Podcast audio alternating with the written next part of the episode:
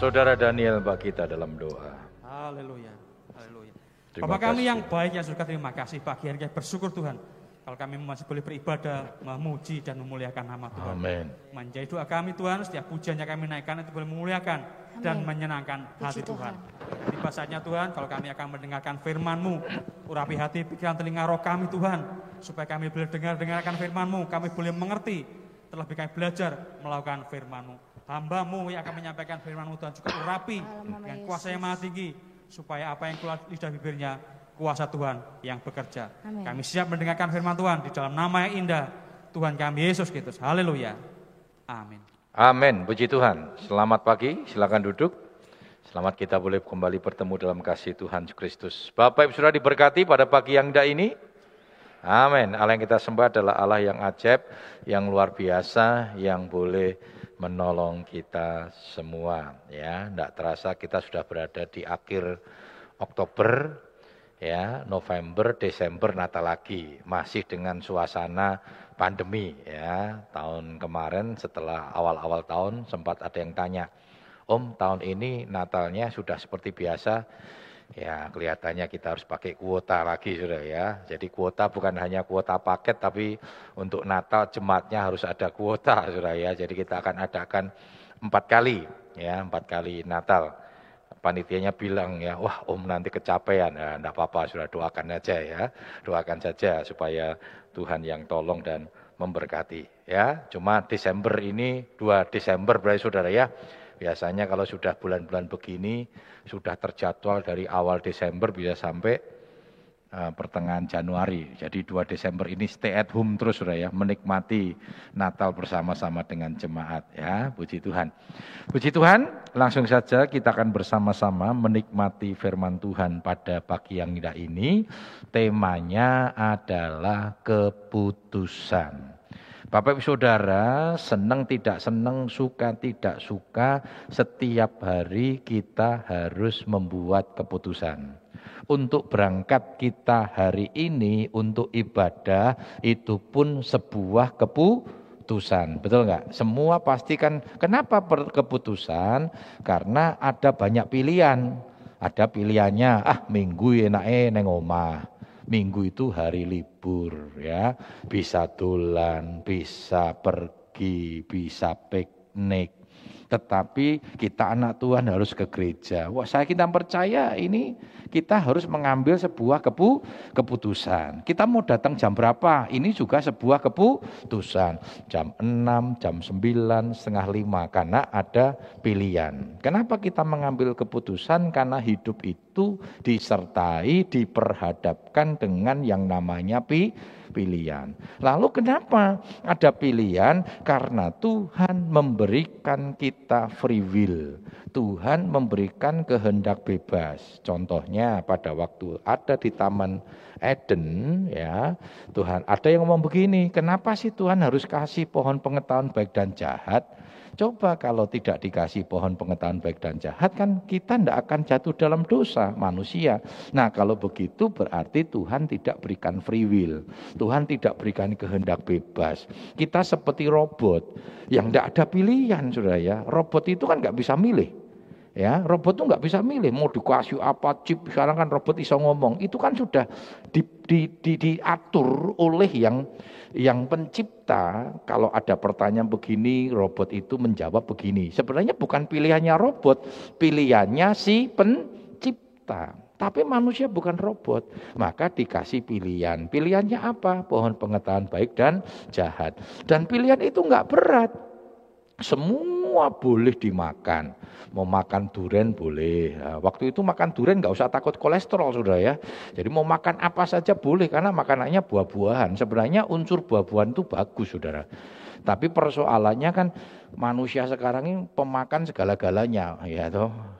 Kalau ada yang karnivora, herbivora, kita omnivora. Omnivora itu yo mangan segala-galanya ya, makan segala. Maka ada bilang eh, singa itu binatang paling buas ya, macan itu binatang buas ya. Yang eh, makhluk paling buas itu manusia sudah. Betul nggak? Sudah pernah lihat eh, macan makan buruannya? Enggak pernah tuh sampai saya lihat makan-makan apa macan makan rusa itu sampai kempling tulangnya ya dibrakoti. Wah, saudara, coba manusia mangan KFC, wah itu tulang wis di, wah, sampai licin itu saudara. Itulah manusia makhluk yang paling paling paling apa namanya paling buas ya. Di uh, singa pun bisa dimakan sama manusia saudara ya. Nah saudara hidup itu uh, banyak pilihan karena itu senang tidak senang saudara harus memutuskan. Ketika saudara tidak memutuskan sebenarnya saudara sedang memutuskan. Ada dikatakan seperti buah si, si malakama ya. Dimakan bapak e mati. Ora dimakan ibu sing mati. Milih sing di. Ah bapakku pelit tok, tak pangan wae gen bapakku mati. Ya, itu kan pilihan juga Saudara ya. Pilihan berdasarkan perhitungan Saudara ya. Terus ada begini, aku sayang semuanya. Aku ramai tak makan, meng tak mut Ora dimutki sama saja tidak dimakan saudara. Ya kan? Ya bapaknya mati meneh saudara ya. Jadi hidup itu penuh dengan pilihan ya. Kadang bersifat dilematis. Nah karena itu bagaimana kita harus mengambil keputusan kita. Mari kita sama-sama melihat dalam Yosua 24 ayat 14 hingga 15. Ini adalah di akhir kepemimpinan Yosua ya. Di akhir kepemimpinan Yosua. Mari kita bangkit berdiri bersama-sama kita akan membaca ayat ini bersama-sama. Yosua 24 ayat 14 hingga yang ke-15. Mari kita baca bersama-sama. Dua, tiga. Oleh sebab itu takutlah akan Tuhan dan beribadahlah kepadanya dengan tulus ikhlas dan setia. Jauhkanlah Allah yang kepadanya nenek moyangmu telah beribadah di seberang sungai Efrat dan di Mesir. Dan beribadahlah kepada Tuhan.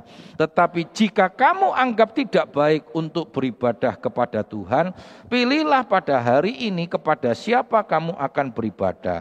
Allah yang kepadanya nenek moyangmu beribadah di seberang sungai Efrat atau Allah orang Amori yang negerinya kamu diami ini tetapi aku dan seisi rumahku kami akan beribadah kepada Tuhan. Puji Tuhan silakan duduk. Kenapa kita harus mengambil keputusan? Kadang keputusan itu sulit karena setiap keputusan itu mengandung konsekuensi. Kenapa saudara harus memilih datang ibadah. Waduh nek ora ibadah pakai wong mbek Gusti Yesus. Nek ora ibadah pakai wong mbek Om Agus. Ya kan? Pokok ibadah sih. Makanya ambil yang jam 6. Bar itu meh lungo sing penting sudah menyenangkan hati Tuhan dulu. Semua kan ada konsekuensi, sudah. Ya kan? Semua ada konsekuensi. Nek ora ibadah enak, nek nek ibadah piye aku ra? Ah, saya ada ada acara, saya ada begini dan sebagainya. Pasti semua ada konsekuensi. Memilih juga begitu, Saudara. Semua itu pilihan. Pilihan itu mengandung konsekuensi. Dan setiap pilihan itu akan diperhadapkan dengan konsekuensi, konsekuensi itu. Betul nggak, Saudara? Nikah atau tidak? Saudara nikah masalah nggak? Masalah. Banyak masalah. Wah, saya ngomong kenceng. Masalah, masalah. Ini mesti pernikahan ini kayak masalah itu, Saudara. Santai saja lah, Saudara. Slow saja. Nikah ada masalah? Wah, Tapi tidak nikah masalah enggak? Masalah. Wes yang ini waktumu ora nikah-nikah. Pasti masalah semua. Semua ada masalahnya, Saudara. Nikah ada masalah, orang nikah ada masalah. Betul enggak bisa? Setelah nikah pengen punya anak, betul enggak? Punya anak masalah enggak? Masalah. Tidak punya anak masalah. Enggak ada hidup tanpa masalah. Sudah punya anak, masalah enggak? Masalah. Sekolah apa ora? Sekolah ke biaya, ora anakku bu, bodoh. Kan gitu. Semua hidup itu pasti punya punya pilihan dan pilihannya itu mengandung konsekuensi. Kalau kita tidak tidak ada konsekuensi ya tenang-tenang saja. Ya. Nah, Yosua memberikan sebuah keputusan dari pilihan. Kan dia dikatakan, kamu memilih yang mana ini? mau tetap beribadah kepada Allah yang eh, negeri yang kamu diami, Allahnya orang-orang Mesir, Allahnya orang Amori, silahkan. Tetapi dia membuat keputusan, tetapi aku dan beserta keluargaku, aku akan beribadah kepada kepada Tuhan. Ya, dia mengambil keputusan yang luar biasa, yang baik. Walaupun kalau kita lihat bangsa Israel ini bangsa yang maka dikatakan tegar tengkuk, kenapa? Bangsa Israel itu bangsa yang diberkati oleh Tuhan, bahkan penyertaan Tuhan itu tidak pernah tinggalkan dia. Ya, kalau sering kali kita ada istilah selingkuh, saudara ya, suami istri ada yang selingkuh, kan biasanya di hadapan atau di belakang. Kelihatan sama pasangannya atau enggak kelihatan, atau selintutan selintutan. Tapi bangsa Israel selingkuh sama Tuhan itu di hadapan Tuhan. Betul Pak Saudara? Sementara apa namanya Tuhan masih ada dengan tiang awan dan tiang api. Tiang awan, tiang api ini kan gambaran kehadiran Tuhan. Eh gawe lembu. Anak lembu emas saudara. Loh ini kan selingkuh. Dia mau menyembah kepada Allah lain. Bayangin itu saudara. Makanya jangan heran kalau bangsa Israel, oh tegar tengkuk anak ini bangsa yang kacauan. Terjemahan lama dikatakan bangsa bajingan, saudara. Ya, bangsa penjahat. Tidak tahu diri, dibebaskan. Tapi di hadapan Tuhan, saudara, selingkuh. Makanya Yosua ngomong, saudara. Kamu nyembah ke mana? Terserahlah kamu, itu pilihanmu. Tapi aku dan keluargaku, aku akan tetap menyembah kepada Tuhan. Hari-hari ini pilihan sudah, sudah mau tetap menyembah Tuhan, silakan. Tetapi semua putusan kita ada konsekuensinya. Sudah nggak mau nyembah Tuhan, sudah mau cari jalan sendiri, tidak mau hidup sesuai dengan firman Tuhan, monggo. Makanya saya sebagai hamba Tuhan nggak mau terlalu metenteng sudah. Metenteng artinya begini, metenteng betul melayani sudah, sampaikan firman Tuhan. Tapi toh keputusan ada di tangan saudara. Kami sebagai hamba-hamba Tuhan tidak bisa memaksa saudara untuk membuat keputusan. Tapi percayalah setiap keputusan itu ada konsekuensinya. Termasuk ketika kita percaya kepada Tuhan. Kan jelas dikatakan Yeremia ya. Terkutuk orang mengandalkan manusia, diberkati orang yang mengandalkan Tuhan. Pilihannya jelas. Ya, nah karena itu kita mau sama-sama belajar pada pagi yang indah ini bagaimana kita harus mengambil keputusan. Yang pertama, keputusan itu harus kita buat dengan bijak atau arif. Jangan gerusa-gerusu. Harus dipikirkan dengan sungguh-sungguh. Ya, coba kita lihat dalam Efesus 5 ayat 15 hingga 16. Efesus 5 ayat 15 dan 16. Perhatikanlah dengan seksama bagaimana kamu hidup. Janganlah seperti orang bebal, tetapi seperti orang arif. Dan pergunakanlah waktu yang ada, karena hari hari-hari ini adalah jahat. Perhatikan saudara, firman Tuhan mengingatkan kita, perhatikanlah dengan saksama bagaimana kamu hidup, jangan seperti orang bebal, tetapi seperti orang arif. Ini kan kaitannya dengan sebuah keputusan. Harus bijak, harus arif, jangan bebal. Bebal itu bukan bodoh.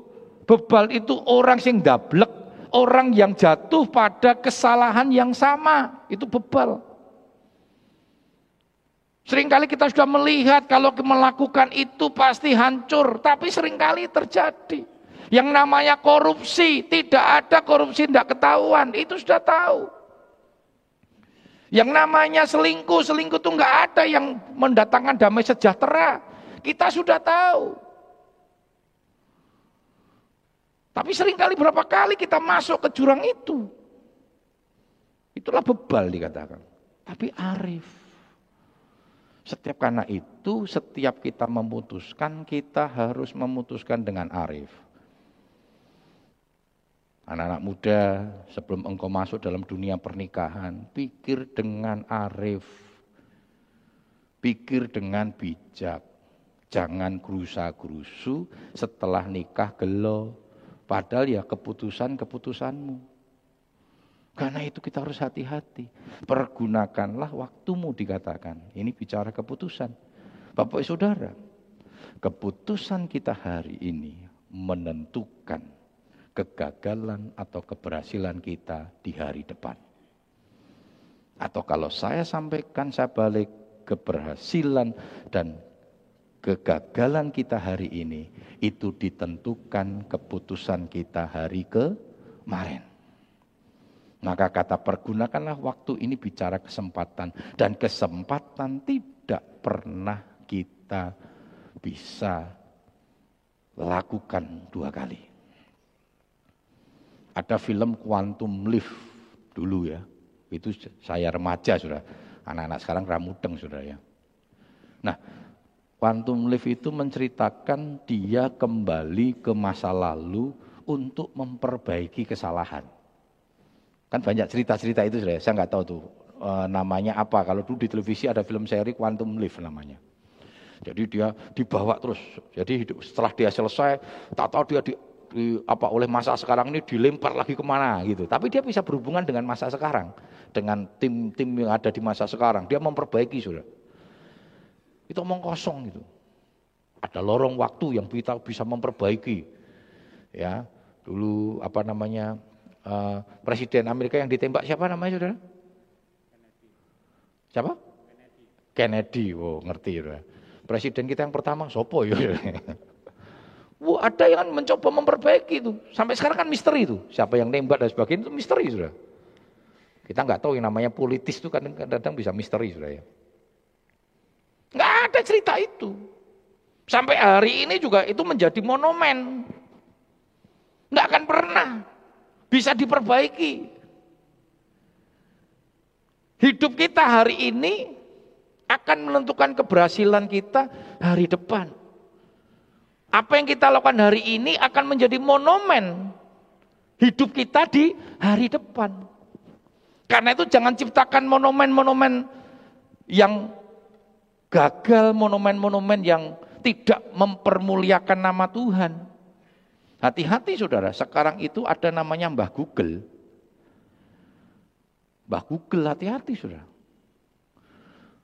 Nanti cucu kita tanya, Kong, mak, kek, nek, mbah, zaman muda mbah dulu tuh seperti apa sih? Coba namanya diketik Agus Surjanto. Wah, wis metu sing elek-elek kan repot Saudara.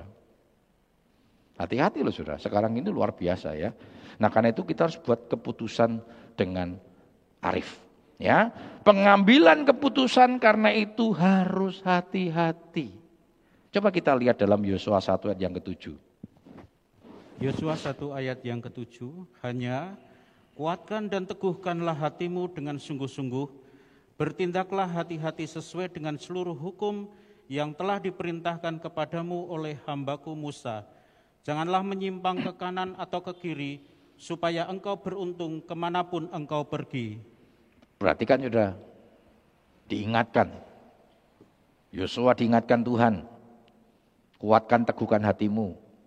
Artinya menghadapi hidup ini memang banyak keputusan yang harus kita buat karena banyak pilihan yang harus kita hadapi. Hati-hati, dikatakan. Hati-hati. Ya, kamu harus hidup sesuai dengan seluruh hukum yang telah perintahkan kepadaku oleh hambamu Musa, hambaku Musa. Kenapa?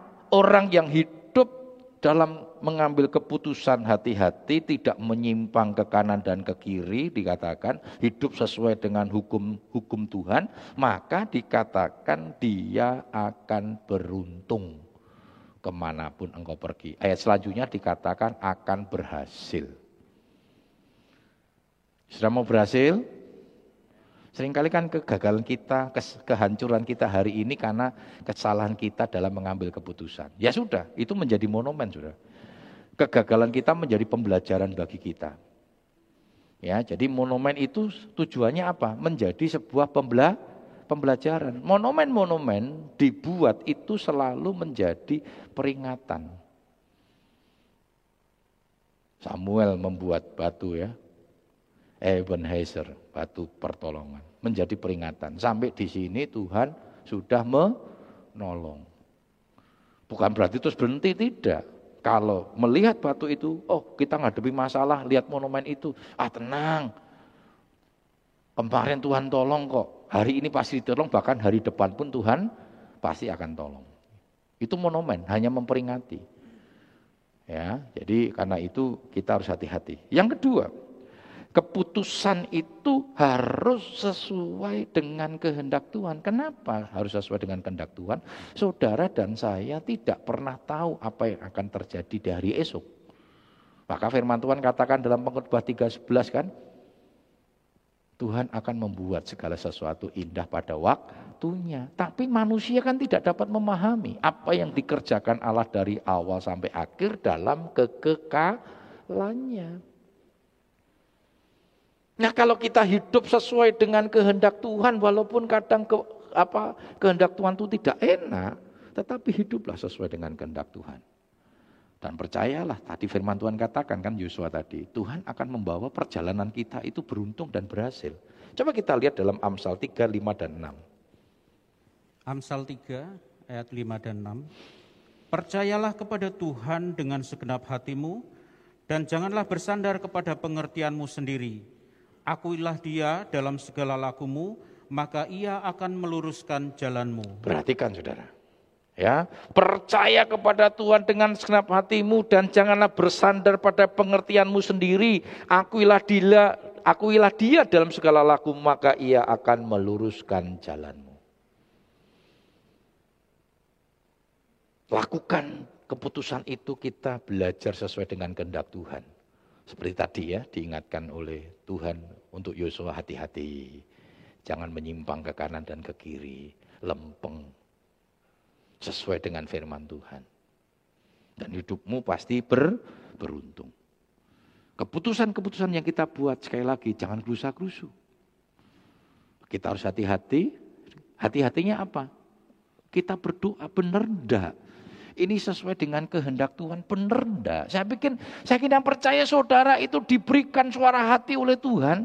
Ya suara hati itu tujuannya supaya kita bisa mengerti kehendak Tuhan. Pasti sudah. Tetapi sering kali kan lawan dari kehendak Tuhan itu kan keinginan daging, sudah. Wah, sebenarnya enak ini ya. Enaknya ini. Sudah tahu pasangan tidak seiman itu sudah sudah pasti tidak bisa mendatangkan berkat. Hidupmu pasti tidak nyaman. Wong firman Tuhan sampaikan kok. Ya, firman Tuhan sampaikan. Oh banyak artis-artis om, buktinya mereka bahagia. Coba ditanya pribadi pas pribadi, akhirnya juga hancur semua toh baru ngomong, wah sekian tahun. Ya toh? Dan itu juga nggak gampang. Dan kita bersyukur negara kita tidak pernah mau memberikan legalitas kepada pasangan yang tidak seiman. Tidak boleh sudah. Makanya banyak orang-orang yang menikah dengan pasangan tidak seiman pergi ke luar negeri, ke Australia. Dicatatkan di sana, ya dinikahkan di sana, lalu catatan dari sana dibawa ke Indonesia baru masuk ke pengadilan. Tidak melalui catatan sipil. Baru pernikahan itu disahkan. Kalau melalui catatan sipil nggak bisa. Dan saya bersyukur, kita bersyukur. Negara tidak boleh, saudara. Kadang kita nekat. Nekat, saudara. Orang apa om, nikah bukan dengan cara Kristen. Yang penting kita sudah sepakat untuk Agama tidak, masing-masing katanya.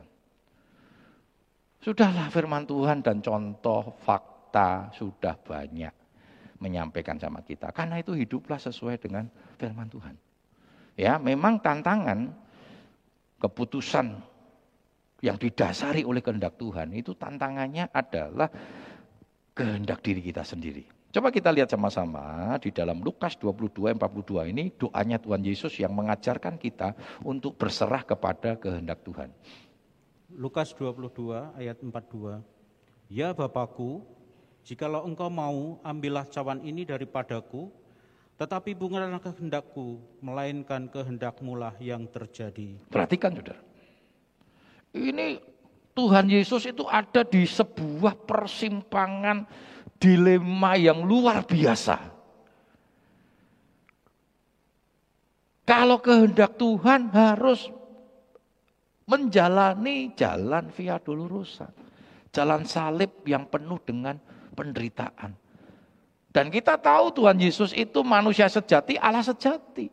Manusia sejati artinya Yesus mengalami apa yang manusia alami ketika nanti dia dicambuk, ketika dia nanti dipukul, bahkan ketika dia disalibkan, rasanya rasanya sakitnya itu sama seperti kita mengalami, manusia mengalami.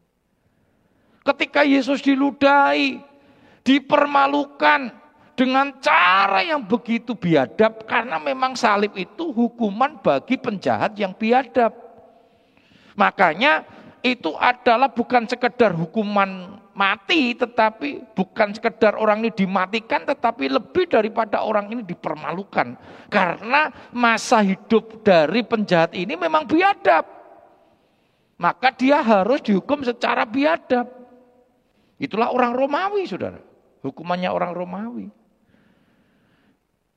Dan kita lihat saudara. Bagaimana Yesus harus bergumul untuk itu. Dalam keilahiannya dia ngerti. Dia akan ngalami itu. Tapi kita lihat saudara ya. Doanya dia ini mengajarkan sama kita. Dan saya banyak belajar untuk itu. Seringkali daging kita berontak. Daging kita marah. Karena kehendak Tuhan harus terjadi dalam hidup kita. Dan Tuhan katakan apa? Ya Bapak Jikalau boleh cawan ini lalu daripadaku. Ini bicara daging. Dia punya keinginan supaya cawan ini via dulu rusak itu dia tidak alami. Karena dia tahu itu menyakitkan. Tapi kita boleh berbangga dengan Tuhan Yesus. Ketika dia tidak mengakhiri dengan kata-kata itu. Ketika Tuhan Yesus berkata, bukan kehendakku yang jadi. Tetapi kehendakmu yang jadi. Oh dahsyat sudah. Dan akibat Tuhan Yesus berserah kepada kehendak Tuhan, Yesus dipermuliakan. Filipi katakan apa? Karena ketaatannya dia kepada Tuhan dan dalam manusianya dia mengalami kematian, maka setiap lutut akan bertelut, setiap lidah akan mengaku bahwa Yesus itu Tuhan. Di balik salib ada kemuliaan. Itu lagunya orang-orang Patagosta zaman dulu, saudara. Apalagi orang-orang Patagosta dulu kan banyak masa-masa perintisan sulit. Sehingga akhirnya ya weslah salib, tapi ada pengharapan. Bahkan karena karena banyak yang masih menderita, masih membuat pengharapan lagi saudara ya. Ada pujiannya orang Pentakosta, biarku miskin di dunia, sing penting sugih neng surga gitu saudara ya. Tapi sekarang orang-orang Pentakosta sugih-sugih saudara ya. Gerejanya gede-gede kabeh, Saudara. Ya, Saudara kita lihat. Mari kita belajar. Apa pun kehendak Tuhan dalam kita, walaupun kadang menyakitkan. Walaupun itu salib. Tapi percayalah, ketika engkau berdoa sungguh-sungguh, berdoa dengan sungguh-sungguh, berdoa dengan sungguh-sungguh, engkau harus hidup sesuai dengan kehendak Tuhan. Maka kemuliaan Tuhan berikan. Keputusan saya, keputusan saya untuk menjadi hamba Tuhan tidak gampang. Di tengah saya kondisi diberkati. Di tengah saya berhasil. Kecuali saya diputus pacar, ya usahanya bangkrut. Ah, daripada stres menuju sekolah kitab. Nah, repot saudara. Anak pertama pinter, ya. Wah, fisikanya pinter, jadi insinyur. Anak kedua biologinya pinter, saudara, jadi dokter. Begitu anak ketiga, fisika meleto, matematika meleto, biologi meleto, sekolah Alkitab Magelang kan gitu saudara ya. Makanya dipikir orang ST itu apa? Enggak saudara, banyak yang kacau-kacau. ST itu harus kudu pinter saudara. Karena bukan hanya pelajaran sembahyang, doa puasa, enggak saudara. Itu hanya latihan, latihan, latihan mental karakter. Ya, makanya kami ngajar-ngajar itu Bu Ika waktu itu tidak ada guru bahasa Inggris. Saya bilang, wis, mam kamu yang ngajar pas kebetul guru bahasa Inggrisnya pas keluar sudah ya. Saya bilang sama istri saya, mam kamu ngajar bahasa Inggris ya, karena Bu Ika lebih kuat ya bahasa Inggrisnya. Masuk saudara. Dia bilang, pi, ah pusing kayaknya karena ada yang apa namanya lulusan SMA, ada lulusan SMP, ada yang SD nggak lulus, ada yang nggak sekolah, dia bisa baca tulis karena berdoa, puasa, puasa, doa puasa, ilham roh kasih saudara ya. Dia bisa baca tulis, walaupun bacanya masih nggak bisa lancar. Kalau dia disuruh ikut pembacaan Alkitab ya saudara ngenten ini ngenten ini sudah ndak sudah, sudah ndak kantu saudara ya uh, disepel. Ya ayah, apa, ya bapak, wah repot saudara. Nah saudara, mari kita belajar. Ya, ketika kamu mengambil keputusan harus hati-hati, keputusan itu harus sesuai kehendak Tuhan. Lalu yang ketiga, keputusan itu harus untuk memuliakan Tuhan. 1 Korintus 10 31. 1 Korintus 10 ayat 31. Aku menjawab, jika engkau makan atau jika engkau minum atau jika engkau melakukan sesuatu yang lain, lakukanlah semuanya itu untuk kemuliaan Allah. Iya, ini kontrol kita dalam kita mengambil keputusan. Apa pun keputusanmu. Bukan untuk kemuliaan pribadi. Tapi mari kita lakukan. Mengambil keputusan itu, kita cek dan recheck. Keputusan itu harus tujuannya memuliakan Tuhan. Dikatakan kan tadi, jika engkau makan, jika engkau minum, jika engkau melakukan sesuatu yang lain, lakukanlah. Sampai masalah mangan, apa hubungannya itu? Oh mangan memuliakan Tuhan atau tidak memuliakan Tuhan? Oh ada hubungannya. Ber, ber, berulang-ulang. Saya ingatkan ya, makan itu untuk menopang tubuh. Bukan menghancurkan tubuh. Sekarang banyak orang makan untuk menghancurkan tubuh. Sudah ngerti. Gulanya tinggi, diabetes. Saya punya teman sudah, pendeta saya itu tidak makan min, apa minum manis itu sudah mungkin 15 tahun yang lalu lebih sudah. Masih saya di Solo. Kenapa? Lihat teman-teman hamba Tuhan kok banyak sih kena diabetes, sudah. Bahkan ada seorang tante yang ngomong gini sama saya, Gus, Gus, tante waktu muda dulu meh ngombe, mau minum manis, ndak bisa. Loh kenapa tante? Nggak ada duit untuk beli gula. Sekarang bisa beli gula berkarung-karung, ya ndak bisa minum lagi. Loh kenapa tante? Nah tante pabrik gula katanya. Nah, tapi kadang apa sakit-sakit ini kan masalah pola makan dan pola hidup. Ada teman saudara, Waktu pelayanan ke sini saya tahu dia punya gula yang cukup tinggi. Saya ajak makan di bistro waktu itu. Bistro yang lama bukan sekarang ternyata udah baru sudah. Uh, yang senengannya makannya ya. Apa stick? Wah sticknya. Saya ditanya ya. Pak mau stick yang impor atau yang lokal? Ya impor. Ya kita melayani hamba Tuhan sudah memberkati kita. Karena saya tahu senang makan sudah. Setelah itu, oh minumnya apa? Mau teh tawar.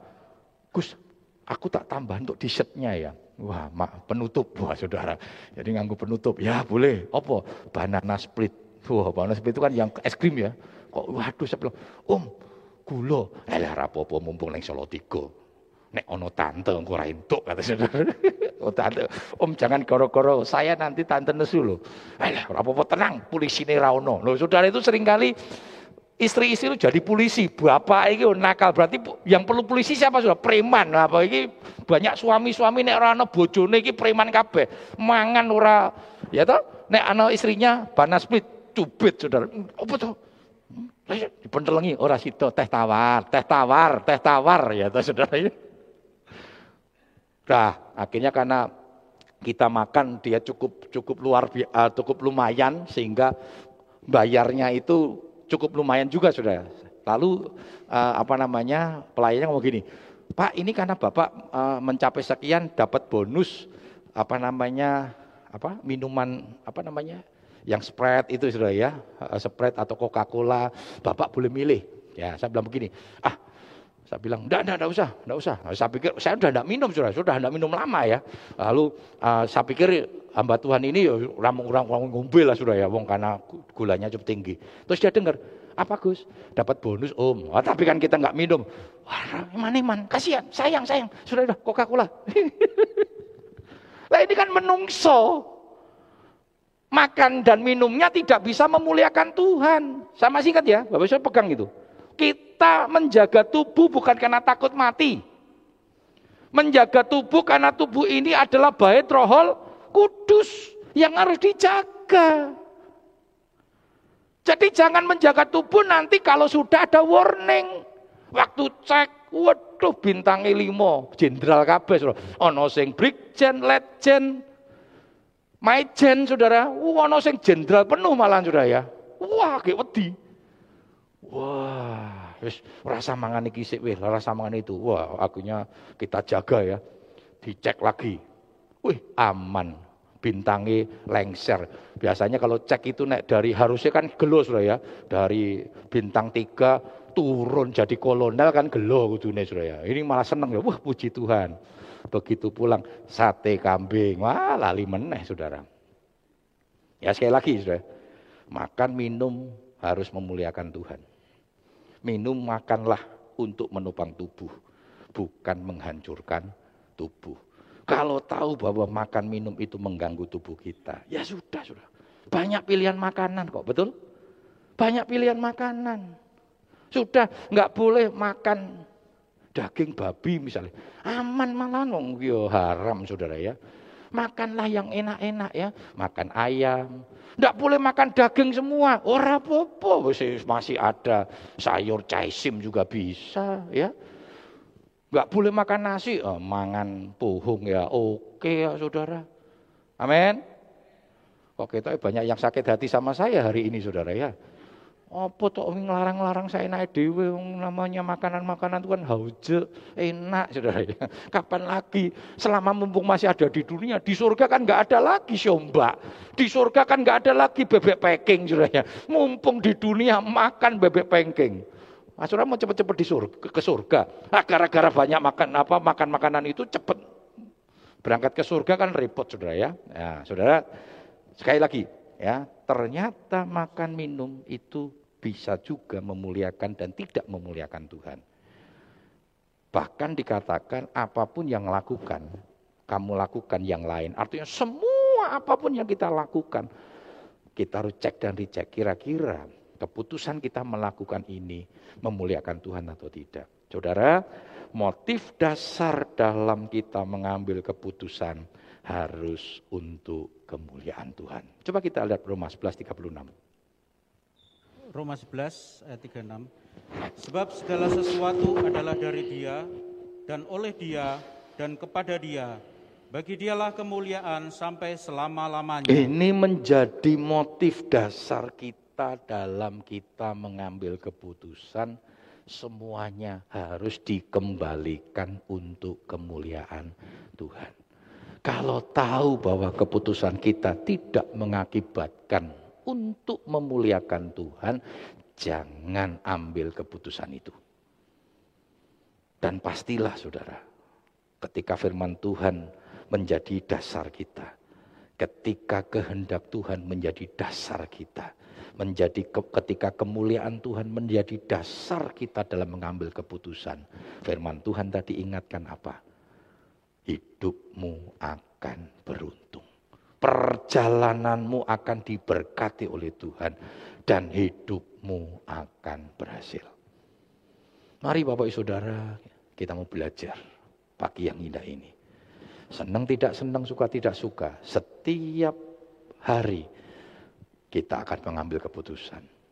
Sebentar pun saudara akan mengambil keputusan.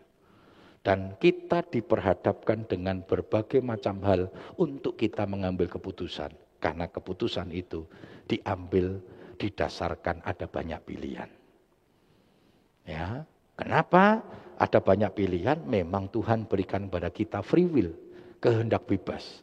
Nah, artinya ketika ketika kita memutuskan ada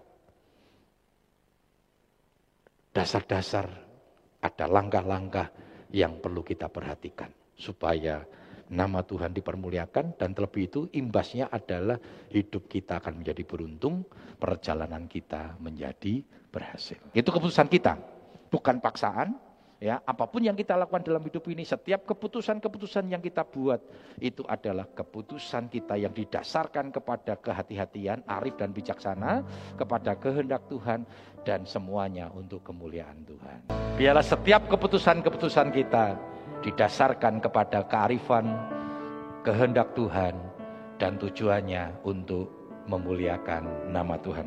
Saudara Araba kita dalam doa. Kasih Tuhan.